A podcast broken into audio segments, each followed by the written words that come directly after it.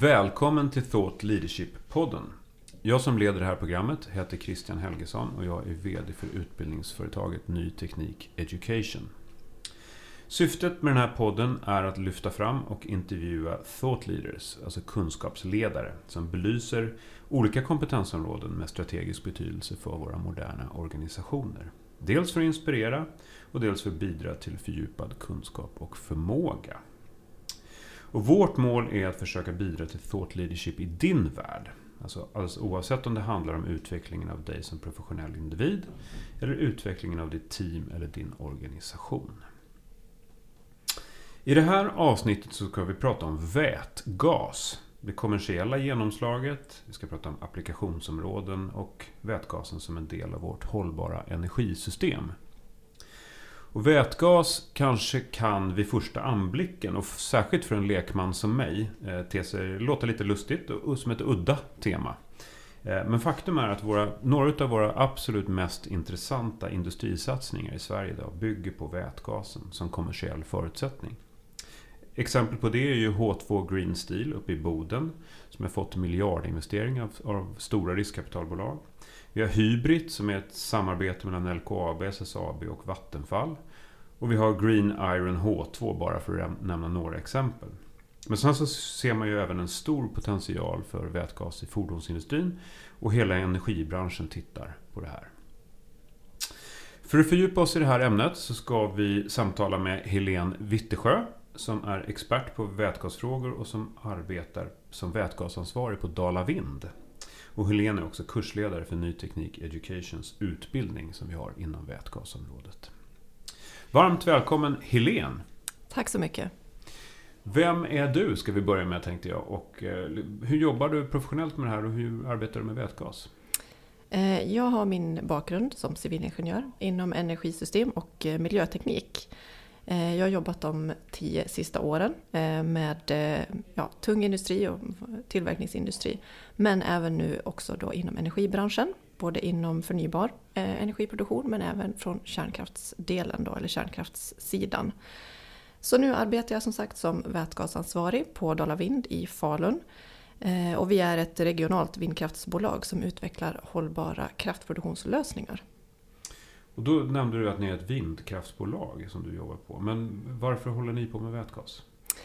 Ja, men vi ser ju då som många andra en stor potential i att kunna lagra den här förnybara energiproduktionen då via just vätgasen.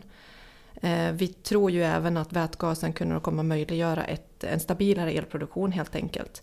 Eh, och att vi kan kunna utnyttja vår kapacitet mer. Eh, det skapar ju även möjlighet till ett ökat oberoende både på lokal och regional nivå.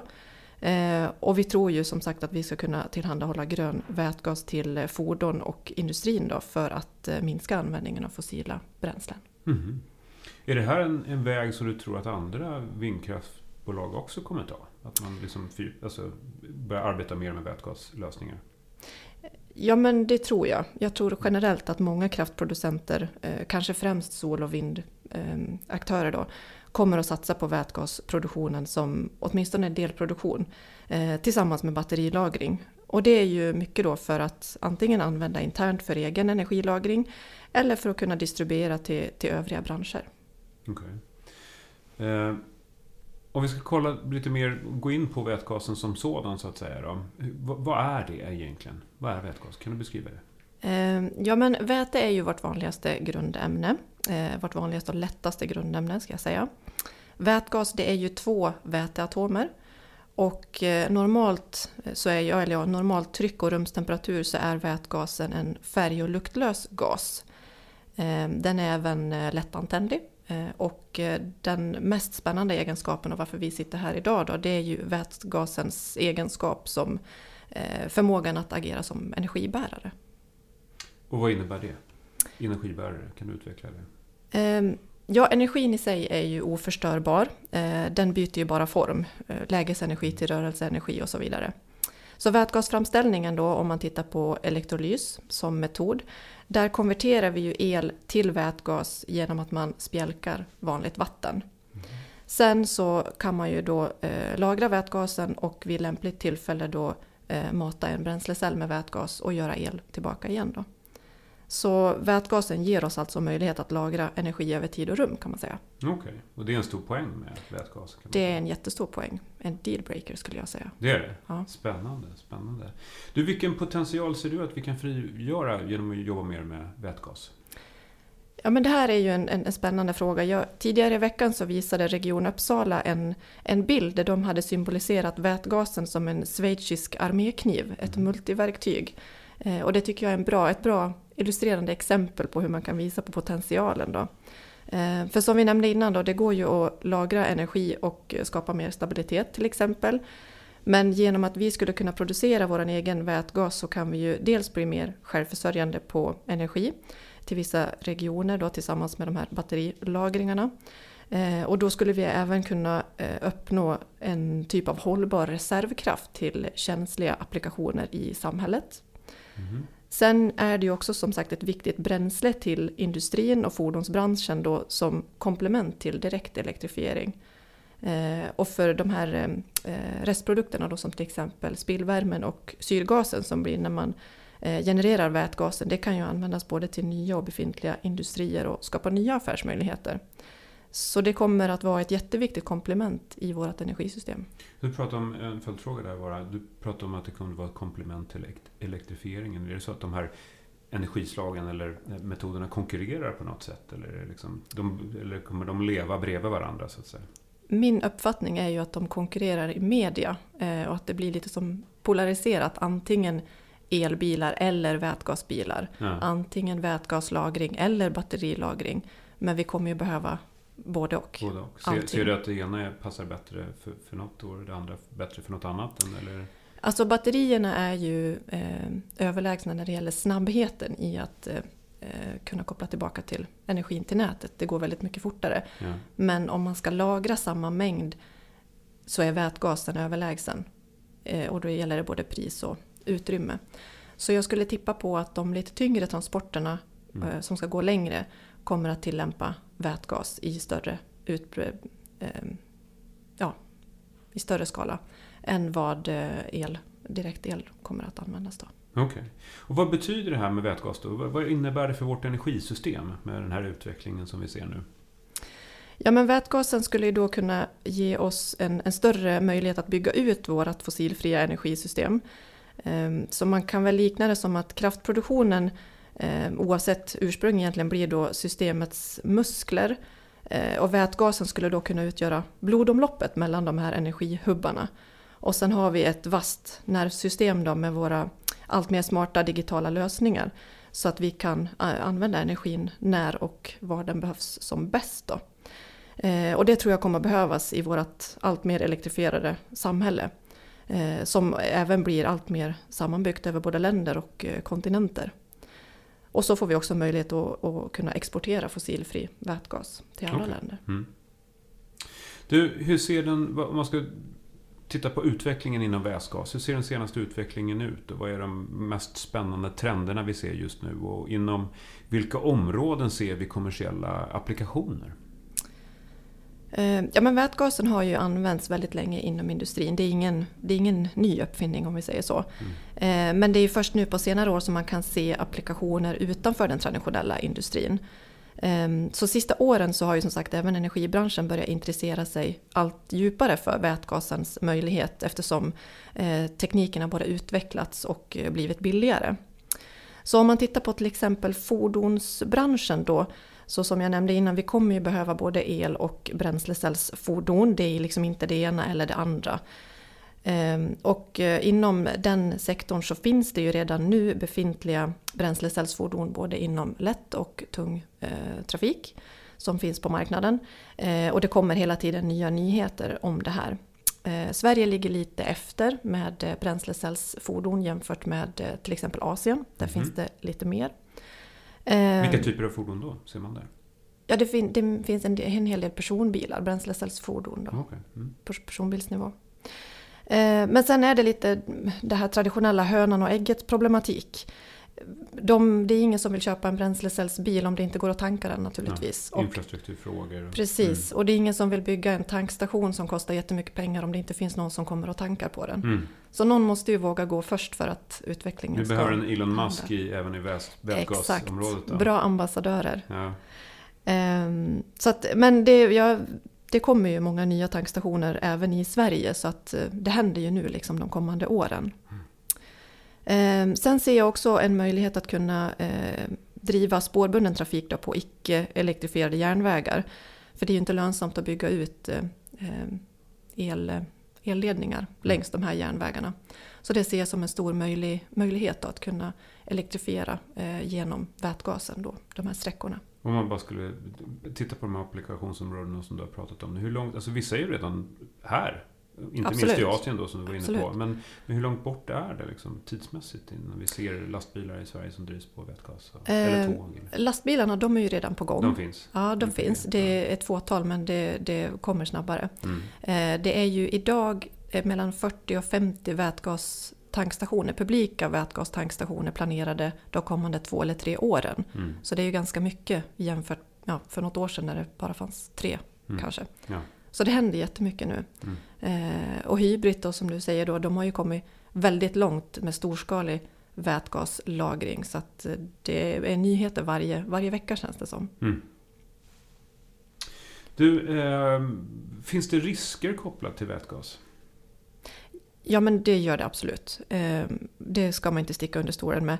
Vätgasen kräver ju stor respekt. Den är lättantändlig eh, och inom industrin, alltså det tillämpas ju väldigt höga tryck med vätgas. Eh, sen brinner den väldigt snabbt och rent om man jämför med till exempel ja, andra gaser. Då. Ehm, och den har ju använts länge inom industrin, det är ju som sagt ingen, inget nytt. Så det finns mycket erfarenhet eh, inom den här branschen. Men även liksom befintliga transportlösningar och så för den här vätgashanteringen. Då.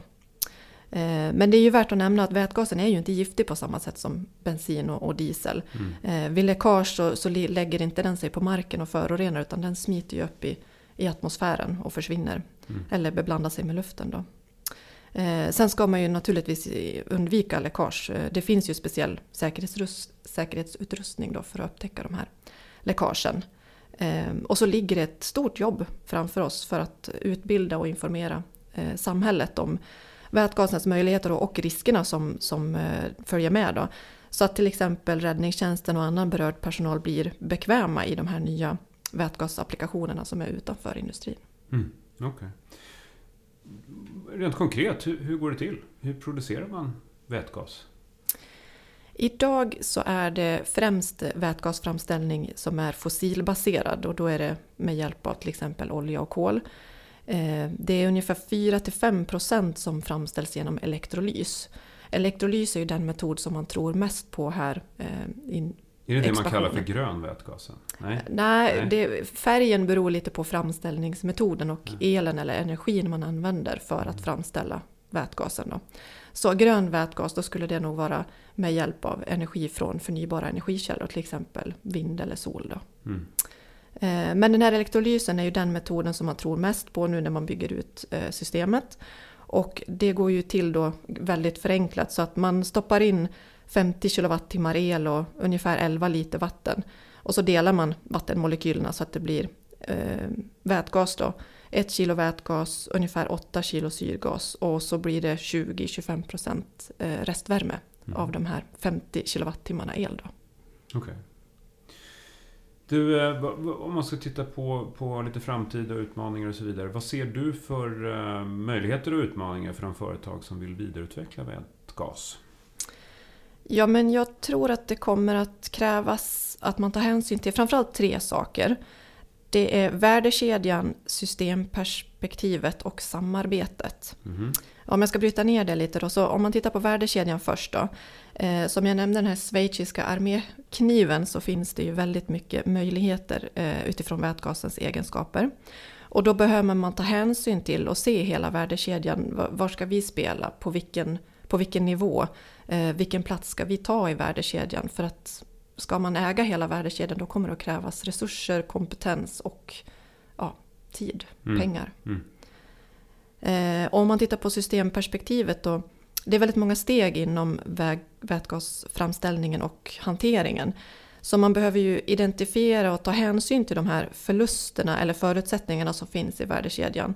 Eh, till exempel de här eh, hur, hur, ska man transportera vätgasen? Mm. Är det lastbil? För att det är sådana, eh, jag ska inte säga små mängder, men att det är mindre mängder. Eller är det till och med så att man ska ha rörledning eh, och frakta gasen på det sättet. Eh, men även se över de här restprodukterna som bildas. Om, för då tar man ju hänsyn till systemet och kan motverka de förlusterna som blir när man konverterar vätgasen. Vad tror du själv? Jag tänker kring, kring transport av vätgas. Vad, vad, är, vad lutar åt som du ser det nu? Initialt så tror jag Ska man producera vätgas i stor skala och göra det i anslutning till den förnybara eh, energin, mm. då blir det ju uppe i vindkraftsparker eller i solcellsparker. Mm. Och beroende på vilka volymer man eh, producerar så kommer kanske inte alltid eh, lastbilstransporter vara eh, optimalt. Utan då kanske det är lika bra eh, att satsa direkt på eh, rörledning då, eller gasledning. Mm. Eh, de tittar ju nu uppe i Bottenviken på en sån jättestor eh, rörledning där man ska kunna transportera stora mängder vätgas. Och då blir även rörsystemet att agera som lager. Så man får liksom fler vinster i att hantera gasen på det sättet. Mm. Okay. Eh, och sen den sista punkten då, samarbete. Det kommer att vara A och O. Partnership is the new leadership pratade vi om mm. tidigare. och ska vi bygga ut den här nya starka infrastrukturen rätt göra rätt från början mm. eh, med vätgasen så behöver vi göra det tillsammans och inte som ensamma öar för då riskerar vi att skjuta oss i foten tror jag. Okay. Och, och för att bli lyckosam på vätgasmarknaden, vad, vad krävs då tror du? Om man ska lyckas? Ja, som jag nämnde då. Eh, man behöver nog titta på det här med samarbete och titta över Eh, branschsektorerna och, och, titta inte bara på som energiproducent utan man kanske behöver jobba tillsammans med andra närliggande eh, aktörer inom näringslivet och eh, utnyttja det som eh, inte bara det som finns idag utan även se vad kommer sen. Hur kan vi mm. skapa nya möjliga eh, symbiosmöjligheter med hjälp av både vätgasen som, som produkt men även de här restflödena. Mm. Det tror jag är liksom receptet för att lyckas. Okay. Finns det några exempel redan idag på, på aktörer som kommit en bit på väg eh, inom sina vätgassatsningar? Ja, nu nämnde ju du eh, flera här i början, både Hybrid och H2 Green Steel till exempel, mm. eh, som man läser väldigt mycket om. Eh, och det är ju väldigt storskaligt då för att få till den här fossilfria stålproduktionen. Ehm, en annan eh, uppstickare eh, det är ju Green Iron då som med sin teknik då som innehåller eh, vätgas då. De vill ju ta rätt på stålbranschens restmaterial och skapa cirkulära flöden. Det tycker jag verkar vara ett spännande koncept. Mm. Ehm, och som sagt då, inom distributionen så är det ju 40-50 nya publika tankstationer på G i Sverige. Vilket jag ser som att det, nu händer det liksom snart. Ja. Och det måste kännas lite tryggare för dem eh, åkerier eller eh, transportföretag som ser, står nu i valet och kvalet. Ska jag köpa en ellastbil eller batterilastbil eller ska det vara en bränslecellslastbil? Mm, mm. Så det, det tycker jag känns kul. Eh, och sen tycker jag också det är spännande att lyfta de aktörer som vill flytta hit ifrån andra delar av världen och Europa. Eh, till exempel inom konstgödselproduktion. Mm. För de vill ju flytta till norra Sverige sin produktion på grund av möjligheterna till billig och förnybar el då, till sin vätgasproduktion. Så det, det ser jag som en stor eh, exportmöjlighet för Sverige där uppe.